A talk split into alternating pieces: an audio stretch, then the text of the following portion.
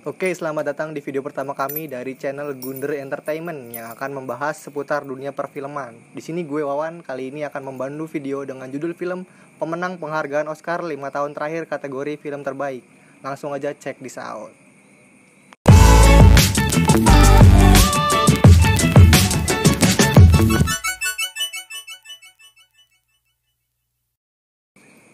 Oscar merupakan ajang penghargaan film paling bergengsi yang diselenggarakan oleh The Academy of Motion Picture Arts and Science atau AMPAS. Berbagai kategori hadir pada penghargaan ini dari film terbaik, aktor terbaik, aktris terbaik, sutradara terbaik, sampai lagu orisinal terbaik, hingga film animasi terbaik juga ada.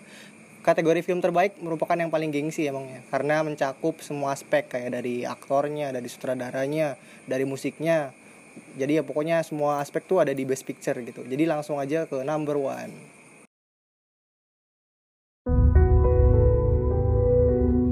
I know there's things you cannot tell me. But I also know there's a story here, and I think everybody will hear about it. Do you think Yang pertama ada film Spotlight yang menceritakan tentang sebuah tim yang menerbitkan koran harian The Boston Globe yang dinamakan Spotlight. Tim ini khusus untuk menginvestigasi kasus-kasus besar dan untuk menyelesaikan tugas tersebut tentunya tidak membutuhkan waktu yang sedikit dalam penyelesaiannya. Film ini dibintangi oleh Mark Ruffalo, Michael Keaton, Rachel McAdams, dan deretan aktor lainnya. Banyak yang bilang kalau film ini menarik mulai dari dialognya, naskah yang rapih, dan juga direkturnya. Kasus yang diinvestigasi di film ini adalah dugaan pelecehan seksual oleh pastor yang bernama John terhadap seorang anak kecil. Dan selanjutnya mending lo coba sendiri supaya lo bisa merasakan atmosfer dan keseruan yang ada pada film tersebut. Film ini meraih penghargaan Oscar dalam kategori film terbaik mengalahkan Mad Max Fury Road, The Big Short, The Martian, The Revenant, Room, Brooklyn, dan Bridge of Spies. Spotlight. You think he's got something? I want to keep digging. We need to focus on the institution. Show me the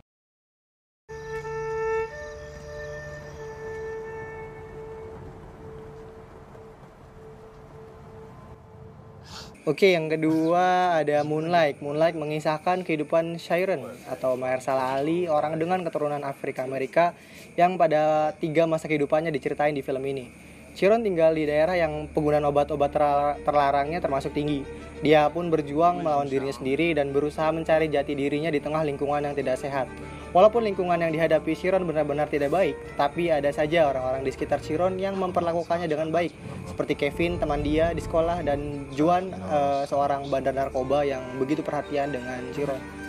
Film ini juga direkomendasiin buat lo yang suka genre drama. Film ini begitu cantik dan sangat sayang untuk dilewatkan. Film ini pernah meraih penghargaan Oscar dalam kategori film terbaik mengalahkan Rival, Fences, Hacksaw Ridge, Hell or High Water, La La Land, Manchester by the Sea, Lion, dan Hidden Figure.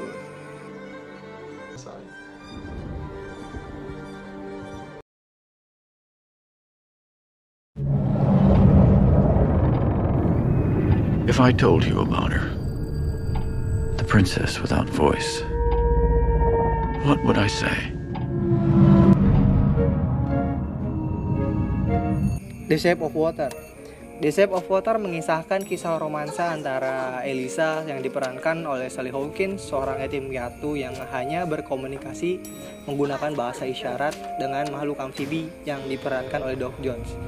Elisa eh, merasa kesepian gitu di situ. Dia pun bertemu dengan makhluk amfibi sehingga akhirnya mereka jatuh cinta.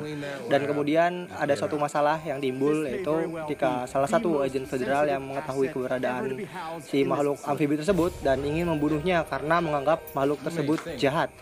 Buat lo yang suka film romansa pastinya akan tertarik pada film ini. Dan film ini menyajikan dengan bentuk yang anti mainstream yaitu cinta-cintaan sama monster. Film ini meraih penghargaan Oscar dalam kategori film terbaik mengalahkan Dunkirk, Get Out, Darkest Hour, Lady Bird, Call Me by Your Name, Three Billboards Outside Ebbing, Missouri, and The Pause.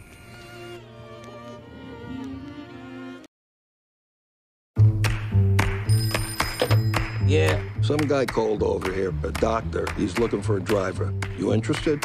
I am not a medical doctor. I'm a musician. I'm about to. Green Book Green Book mengisahkan persahabatan antara penjaga klub dan seorang pianis. Tony Vallelonga diperankan oleh Viggo Mortensen adalah penjaga klub malam yang kehilangan pekerjaannya karena adanya renovasi selama dua bulan bertemu dengan Don Shirley, Mahershala Ali, seorang pianis yang sedang mencari supir untuk menemaninya tur di Deep South. Mereka pun bersama mengarungi perjalanan yang tidak mudah mulai dari latar belakang sifat yang bertolak belakang hingga perbedaan warna kulit. Namun mereka saling menerima satu sama lain. Tony selalu melindungi Don yang selalu diperlakukan tidak baik hanya karena warna kulitnya. Dapatkah mereka menangani masalah tersebut sebagai sahabat? Film ini meraih penghargaan Oscar dalam kategori film terbaik mengalahkan Black Panther, Black Landsman, Bohemian Rhapsody, The Favorite, Roma, Star is Born, and Vice.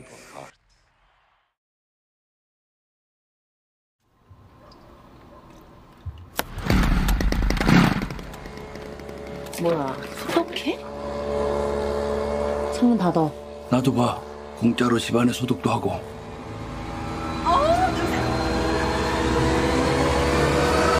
Parasite. Parasite ini yang paling baru yang kemarin baru dapat Oscar ya. Gue nggak akan cerita banyak terkait film ini karena film ini wajib dan mesti banget lo tonton dengan fokus. Film ini disutradarai oleh Bong Joon-ho yang sekaligus menjadi writers dalam film ini. Parasite menceritakan keluarga Kim yang ingin merubah nasib mereka yang hidup berkecukupan. Salah satu keluarga Kim dipekerjakan oleh keluarga Park yang hidupnya beda 360 derajat dengan rumah mewah dan segala fasilitas yang dimiliki oleh keluarga Park. Kelanjutannya mending lo nikmati sendiri aja karena film ini uh, random gitu bisa membuat lo tertawa, menangis, terengah-engah dan ada pesan moralnya yang biasa kita jumpai dalam kegiatan sehari-hari.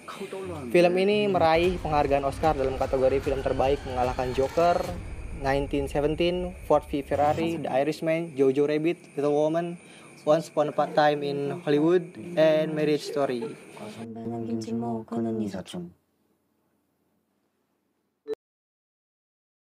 So, jadi film-film tersebut yang merupakan film yang menjadi pemenang dalam ajang bergengsi Oscar kategori Best Picture 5 tahun terakhir. Thank you guys for watching our video. Jangan lupa like, comment, and subscribe jika lo tertarik dengan konten yang kita buat dan tidak mau ketinggalan update dari kami. See you on next video. Stay safe, tetap di rumah aja, and bye-bye.